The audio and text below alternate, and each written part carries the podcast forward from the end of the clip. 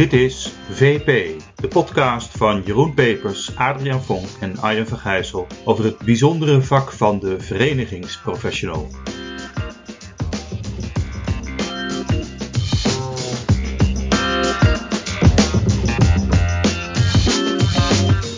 Goedendag uh, luisteraars. We hebben vandaag een eerste van een serie van vijf uh, bijzondere podcasts. Wat we hebben gedaan is vijf gasten uitgenodigd om uh, vijf punten te noemen die voor hun van belang zijn voor verenigingsprofessionals.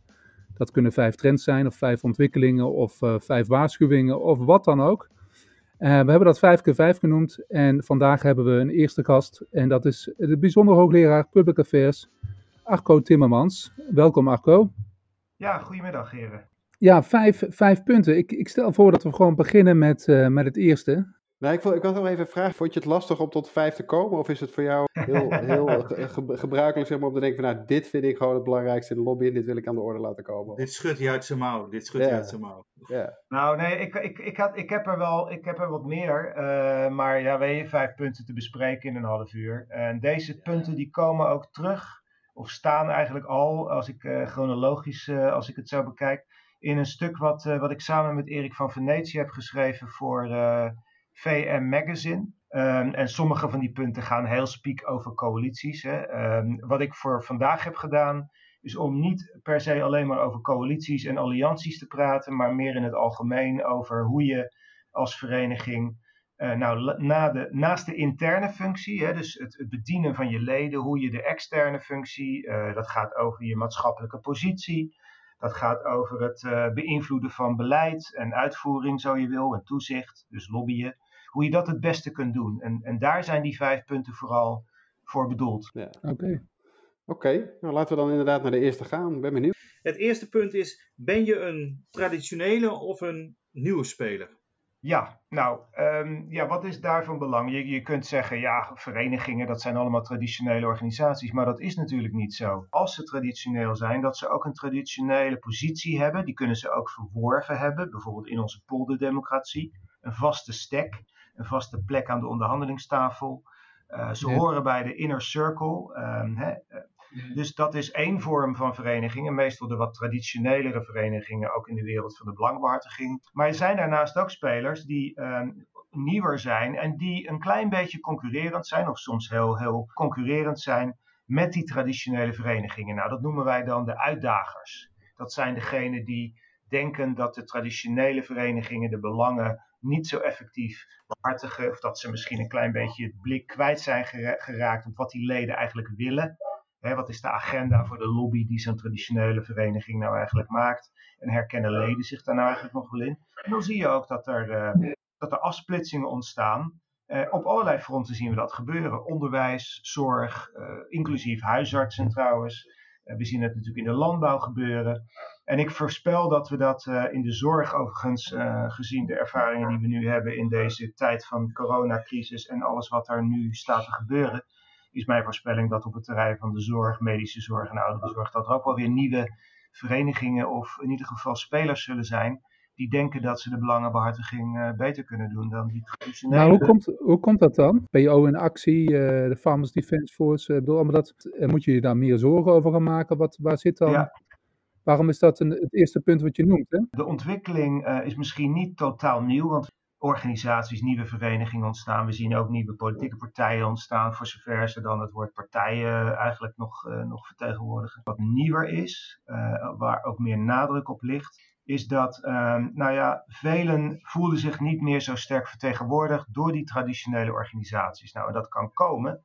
Bijvoorbeeld omdat die traditionele organisaties, die verenigingen, die een, een, een plek hebben in ons hele bestel, dat die te veel misschien wel ingekapseld zijn, dat hun agenda te veel wordt bepaald door de agenda van gisteren en dat ze niet voldoende de antenne hebben uh, uitstaan naar uh, wat bijvoorbeeld jongere leden, nieuwe leden, nieuwe ondernemers, uh, nieuwe, nieuwe generatie onderwijzers, wat die verwachten van, ehm, van hun vertegenwoordigers Um, als het gaat om hun belangen en, en om de maatschappelijke positie of het aanzien van een bepaalde baan. Hè. Denk aan. Uh, ja. Maar Arco, uit het feit dat jij dit zo noemt, leid ik af maar dat is de check, dat jij zegt dit is wel een behoorlijke trend.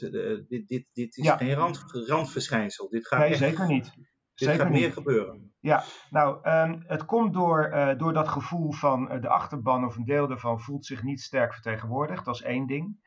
Wat natuurlijk ook meespeelt, eh, en dat is ook iets wat niet per se volledig nieuw is, maar wel in de mate daarvan, dat is dat het platform dat die nieuwe uitdagende spelers krijgen, dat is best een groot en breed platform. Onderwerpen die komen in de media, die worden daardoor ingeplucht.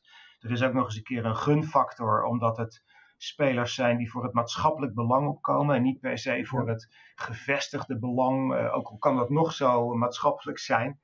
Uh, en die hebben daarmee um, uh, de me media-aandacht, ze hebben een gunfactor, ze zijn sprankelend, ze willen het anders doen, ze dagen uit. Hè. We hebben een tijd, we leven in een tijd van, van al dan niet prettige, confronterende uitdagers. Um, en ja, die krijgen daarmee wind mee in de boodschap die ze willen vertellen. En bovendien vertellen ze die boodschap ook nog eens een keer op een wat nieuwere manier dan de traditionele belangbehartigers in die verenigingen die we allemaal kennen, die, uh, dat doen. Ja.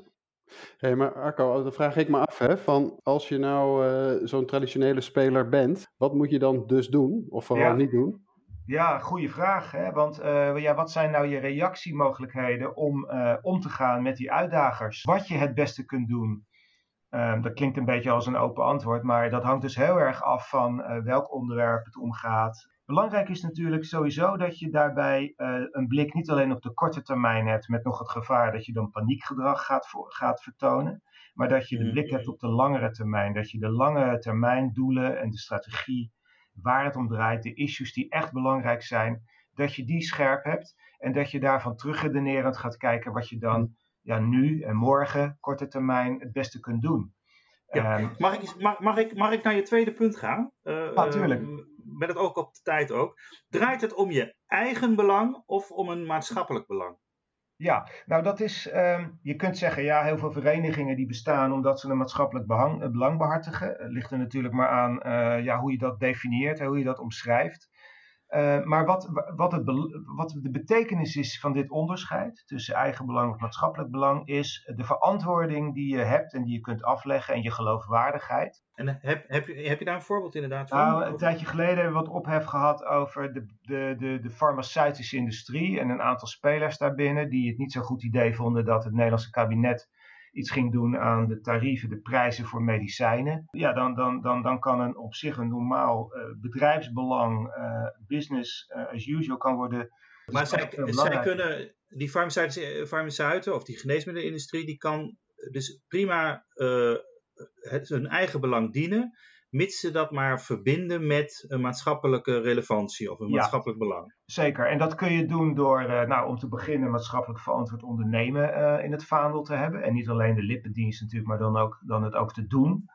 Maar waar het hier om gaat, is uh, ja, dat je ziet welke discussie er is. Je, dat je ook ziet waar politieke partijen, waar die aandacht aan besteden en wat die eigenlijk verwachten. Um, en ja, dat, dat is um, nu, uh, mede ook door de coronacrisis. Ik denk ook dat sowieso maatschappelijke waarden, publieke waarden en publieke voorzieningen door deze coronacrisis ook weer meer aandacht gaan krijgen. Ja. Ja. Maar het heeft, uh, Arco, als aanvulling, het heeft volgens mij ook wel te maken gewoon met, met je intrinsieke bestaansrechten. Uh, nou, hè, hoe, hoe kun je dan vanuit binnenuit en hoe, Ja. hoe koppel je dat dan zeg maar, aan het maatschappelijk belang en wat je uitdraagt en waar je voor staat en de keuze die Zeker. je maakt? Ja, ja en, en uh, weet je, als je denkt over hoe je als organisatie of als vereniging, branchevereniging, beroepsvereniging, hoe je de belangen van je, van je, van je leden van je sector het beste kunt behartigen, dan um, dat, zie, dat heb ik ook gezien in een onderzoek over de agendavorming tijdens de afgelopen kabinetsformatie. Hoe meer organisaties, hoe meer verenigingen um, in staat zijn om hun belangen te koppelen aan bredere maatschappelijke belangen, hoe meer ze ook toegang krijgen tot Ja. de politieke agenda. En dat heeft te maken met hele simpele afwegingen die eh, beleidsmakers en zeker politici maken. Die moeten hun verhaal ook kunnen verkopen. En dat is niet een, dat is niet een verkooptrucje eh, waar we misschien 50 jaar geleden allemaal in Nederland braaf achteraan liepen. Eh, de wereld is enorm veranderd. Hè. Mensen worden mondiger, we hebben het doe-het-zelf mediamakers, burgers die beschikken over kennis en die zijn ook uh, actief in uh, het beïnvloeden. Ehm, ja, en daar moet je als professionele vereniging, afhankelijk van het soort terrein waar je je beweegt, moet je daar heel veel rekening mee houden. Het levert je niet alleen een beter gevoel op, maar het levert je op de langere termijn, hè, dan komt die termijn weer terug, het levert je ook bestaansrecht op, zeker. hey, uh, dan ga ik meteen door naar de derde. Jouw derde observatie. Ben je uit op verandering of juist op de status quo? Ja, dat is weer zo'n andere vraag. Hè? Ehm, dat die, die, degenen die willen vasthouden aan het bestaande, dat die vaak in de praktijk een voorsprong hebben op degenen die willen veranderen. Want die veranderaars die moeten een beetje heuvel op boksen uh, tegen alle weerstand die er is. En dat heeft te maken met het feit dat heel veel beleid zelf het resultaat is van eerdere onderhandelingen, eerdere beïnvloeding. Uh, en dat settelt zich op een gegeven moment. Dat duurt in Nederland trouwens altijd wel een tijdje voordat dat zo is. Ja, en als je dat vervolgens weer wil gaan loswrikken, dan breng je letterlijk en figuurlijk een hele hoop teweeg en in beroering. En uh, de weerstand die daardoor ontstaat is vaak heel groot. Zeker in een land waar we een consensuscultuur hebben. Dan moet dan moet iedereen een beetje mee willen. Um, dus ja, die vraag of je nou wil veranderen of dat het, het, bestaande wil behouden, is een ontzettend belangrijke vraag die elke vereniging zich moet afvragen. De achteroverleunstoel uh, en de status quo uh, en dingen laten zoals ze zijn, ja, maar dat hangt er natuurlijk vanaf ja. of die status quo of die bestaande situatie in jouw voordeel is of niet. He, dus als je um, juist baat hebt bij vernieuwing, innovatie, verandering, eh, je wilt een, eh, een, maatschappelijk probleem aanpakken. Nee, dat snap ik, maar dat je het risico loopt dat je de emotie ergens uh, mist en dat de roep om verandering, voor me met PO in actie, ja, dat, waar, waar ging dat nou eigenlijk precies over? Dat ging heel veel over erkenning, om gezien te worden. En terwijl misschien de status quo, de werkelijkheid, helemaal niet zo uh, slecht was. Het gaat over rechten. Nou, ik heb een mooi voorbeeld. Mag ik een mooi voorbeeld noemen van, van ook een? We hebben de, de Vereniging van Samenwerkende Universiteiten in Nederland, de VSNU. Uh, we hebben net een nieuwe CAO. Uh, ik weet, het is misschien niet voor alle, alle luisteraars het onderwerp waar ze dagelijks mee bezig zijn. Maar ik geef het met opzet even als een, als een voorbeeld uit een andere hoek. Uh, nou, wat zie je daar gebeuren? Er is net een nieuwe CEO en een van de dingen daarin afgesproken is dat er alle universiteiten een ombudsmanfunctie wordt ingevoerd. Nou, de ene universiteit had die functie al zelf ingevoerd en er zijn ook universiteiten die daar eigenlijk niet zo heel erg aan wilden. Dus met andere woorden, die dachten we kunnen het wel aan met wat we nu hebben, status quo, uh, en we hoeven daar niet in verder. Nou, je ziet hier een heel mooi voorbeeld van een, uh, van een brancheorganisatie die van de universiteiten die de langzamere bewegeraars, uh, bewegers op sleeptouw heeft genomen om daar wat verder in te gaan. Een heel ander voorbeeld wat je ziet is bijvoorbeeld bij de Nederlandse Vereniging van Banken, die tegen de leden zeggen: hey, uh, we moeten dat uh, anti-witwasbeleid in Nederland moeten we toch een tandje serieuzer nemen. Um, en daarmee de banken op sleeptouw. Ook hier weer het verhaal. Sommige banken die lopen zelf al in een hoger tempo. En andere banken die denken, nou, nou krijgen we schoppen onder ons achterste van de Nederlandse Vereniging van Banken. Nou, dan doen we ook maar mee. Um, ja. dus, uh, maar dus... dat is inderdaad, bij, bij brancheverenigingen is dat altijd inderdaad een afweging. Ga je voor de koplopers? Of ga je voor het peloton of, of trek je de achterlopers bij? En dat is inderdaad wel een bewuste afweging die je moet doen. En als je alleen maar blijft hangen in het gemiddelde, dan ben je geen knip voor de neus waard. Want een branchevereniging moet ook af en toe inderdaad durven de leden op sleeptouw te nemen, omdat de maatschappelijke werkelijkheid is veranderd. Zeker. En, ja. en als je daar dan uh, niks mee doet, ja, dan uh, gaat, het op een gegeven moment, gaat het op een gegeven moment echt uh, fout met jouw sector of jouw branche. En vanuit een public affairs perspectief gezien heeft zo'n branchevereniging in dat geval dan ook heel duidelijk een meerwaarde. Hè? Sommige leden vinden dat ze dan te hard van stapel gaan. Dat is natuurlijk een vraag die ze zelf kunnen stellen en misschien beantwoorden. Hoe concurreer je effectief om de aandacht? Er is altijd een koppeling tussen je lobby op het beleid, dus invloed uitoefenen, het ouderwetse lobbyen, en de, de positie die je kiest, je reputatie die je verdient of verpest soms. Uh, in de maatschappelijke omgeving. Die twee hebben altijd met elkaar te maken. Nou, de punten die we nu bespreken, die hebben ook allerlei overeenkomsten met elkaar. En zo is het ook zo dat um, het laatste punt waar we, waar we het, of het punt waar we het nu over hebben, uh, of je aandacht altijd nodig hebt en of het altijd goed voor je is, of dat dat juist een bedreiging is, dat is ook zo'n strategische uh, ja, denkexercitie, zeg maar, voor verenigingen. Want er wordt wel eens gedacht, als je in de media bent, dan zit het wel goed met je. Maar dat is natuurlijk heel erg de vraag of je daar punten kunt verdienen, punten kunt scoren. Er zijn heel veel onderwerpen die eigenlijk het beste behartigd kunnen worden, belangen rond die onderwerpen, juist door de zaken veel minder voor het voetlicht te brengen. En dat geldt wel helemaal voor onderwerpen waar het om het eigen belang gaat. Ehm, dat, dat, dat wordt op een gegeven moment natuurlijk ook confronterend als er dan journalistieke onthulling volgt. Hè. Dan, uh, dan wordt er weer verontwaardigd gedaan over die lobby die er weer onder de radar is geweest. Kijk, dat punt over het, het, de politiek van de aandacht noem ik dat dan. Hè? Uh, en daarmee bedoel ik niet dat elke organisatie, elke vereniging altijd maar op de trommel moet slaan en aandacht moet vestigen voor onderwerpen. Erik van Venetië noemt dat altijd lobbyen met lawaai. Um, dat hoeft niet per se, want er is heel veel te verdienen, te winnen. niet alleen in geld, maar ook in het bereiken van maatschappelijke doelen als je dat iets minder luidruchtig doet.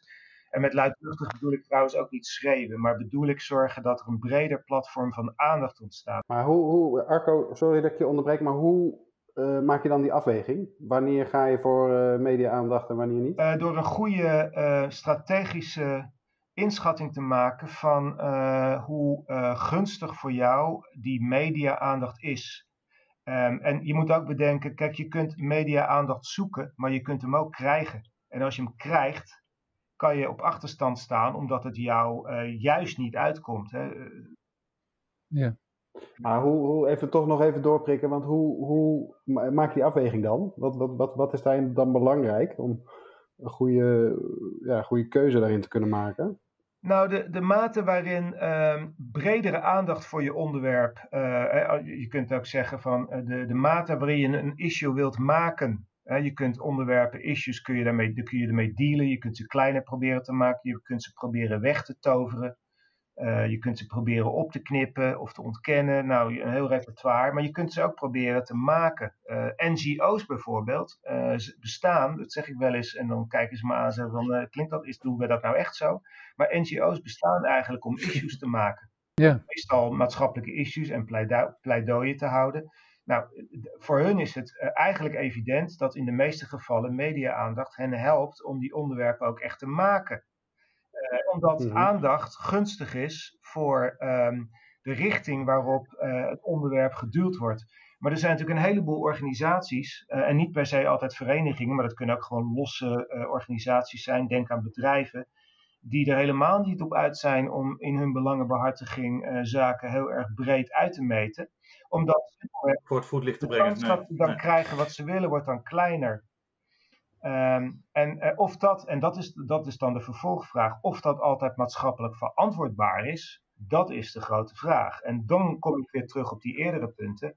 Hoe meer je in staat bent om jouw eigen belang te koppelen aan een maatschappelijk belang, des te minder bang je ook hoeft te zijn dat het zij jezelf uh, of anderen het onderwerp groter maken. Ja. Hey Arco, jij, ik zag in een eerdere uh, publicaties van jou dat jij zei dat, dat uh, bijvoorbeeld dat issues maken, waar je het net over had, dat dat toch ook wel een, een bepaalde nou ja, beheersing van de beginselen van retorica vergt. En ik geloof dat jij ook geloof ik, een bespreking had gewijd aan Greta Thunberg en hoe zij dat dan effectief ja. deed. Vind je dat dat voldoende is of vraag, vraag je daar speciaal aandacht voor? Of was dat... Ja, nou ja, dat, dat is een goede. Kijk, de, de klassieke elementen van de retorica, dat zijn de, de logos, de pathos en het ethos. Hè? Dus het logisch redeneren en het argumenteren op inhoud. Uh, de pathos, of, of je het meeslepend kunt doen. En de ethos, uh, of mensen ook vinden, en of jij dat zelf ook vindt om te beginnen, dat het verantwoordbaar is.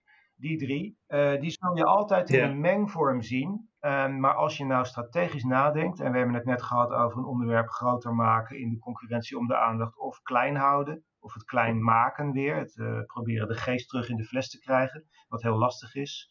Of je, of je hebt het over je eigen belang en het maatschappelijk belang, of je hebt het over alleen gaan of samenwerken met anderen. Bij al die elementen in het denken over je belangenbehartiging, public affairs, uh, komen die ethos, die pathos en die logos komen, komen terug. Ze zullen dat doen, denk ik, in een verschillende mengverhouding. Uh, maar organisaties verslikken zich nog wel eens omdat ze denken dat ze met het logisch redeneren op inhoud, er onderwerpen heel technisch te definiëren bijvoorbeeld, dat, dat je daarmee het ja. spel uh, kunt winnen. Uh, invloeden laten ja. winnen. Nou, dat is een enorme misvatting. De emotiefactor, die, die speelt Mag ik, mag, ik daarmee, mag ik daarmee naar jouw vijfde punt? Want dan hebben we denk ik mooi, dan hebben we een prachtig bruggetje. Want jij zegt, Hoe balanceer je nou tussen de ratio en de emotie in een probleemdefinitie? Ja, nou ja, dat klinkt misschien een beetje, een beetje technisch als het daar in, die, in dat punt staat. Maar waar het dan op neerkomt is, het is een illusie om te denken dat je altijd gelijk krijgt, ook al heb je het misschien. Een mooi voorbeeld daarvan is trouwens de belangenbehartiging over de pulsvisserij, waar Nederland wetenschappelijk gezien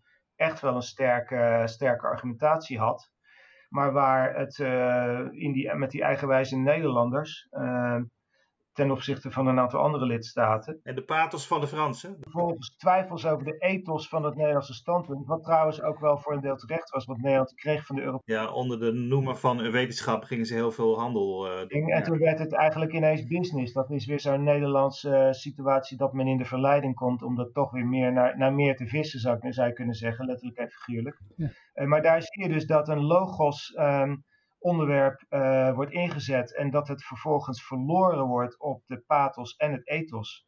Nou, ja. uh, Thunberg die heeft heel sterk ingezet op, uh, op pathos en ethos. Er komen vervolgens critici die haar aanvallen op haar logos. Nou, ik wil het nou niet te veel in die klassieke retorica-termen zeggen. Maar ja, heb je die drie niet in balans, dan, dan zal je public affairs strategie ook niet um, de volle kans op succes geven.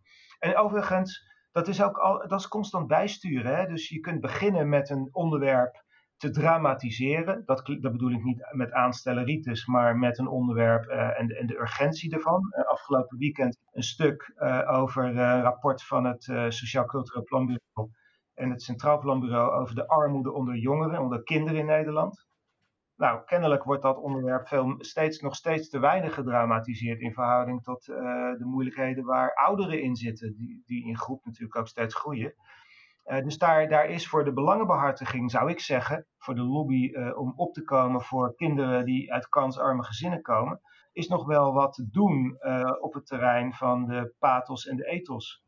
En is dat nou iets wat jij in jouw uh, hoogleraarschap ook, ook uh, extra benadrukt, die hele principes van retorica? Want ik bedoel, in, in, in het Nederlands, uh, dat is een zieltogend vak aan de universiteit. Dus ergens gaat het dan toch niet helemaal goed qua nou, ik onderwijsklimaat. Zie, ik zie, nou ja, nou ja, ik weet, ja, Nederlands, ja. Um, in Leiden hebben wij, ik heb een collega, daar heb ik trouwens ook dat verhaal over de, wij noemen dat dan de retorica en de taal van de lobby. Uh, daar, daar is een leerstoel in de journalistieke nieuwe media. Dat is dan natuurlijk wel weer veel spannender voor studenten dan het Nederlands. Uh, ja. Maar um, ik zie zelf als onderdeel van public affairs de retorica, een beetje gekoppeld aan de communicatiewetenschap zou je kunnen zeggen, zie ik als een heel belangrijk inhoudelijke lijn uh, om, um, om goed na te denken over hoe je ja, je punt het beste naar voren kunt brengen. En hoe je daarmee steun kunt krijgen. Hoe je critici uh, de pas uh, kunt afsnijden. Uh, zonder dat dat ehm, agressief hoeft te zijn. En daar hoort die retorica hoort daar zeker bij. Ja. En daar hebben wij zelf bij het schrijven van ons, van ons boek hebben we ook met verschillende brancheverenigingen gesproken. En wij zien vaak dat er een, toch wel een soort bijna disconnectie is tussen communicatie medewerkers of een hele afdeling ja. en de mensen van het beleid. Ja. En, en, en hier probeer je nou juist, jij probeert nou juist hier de link te leggen hè, tussen ja, die twee. Hè? Absoluut, dus het... absoluut. Ja. Nou ja, we hebben het over verenigingen, uh, maar als je nou naar, naar bijvoorbeeld overheidsorganisaties kijkt, dan zou ik zeggen, zo'n belastingdienst bijvoorbeeld heeft daar nog wel wat te leren. Hè? Ja.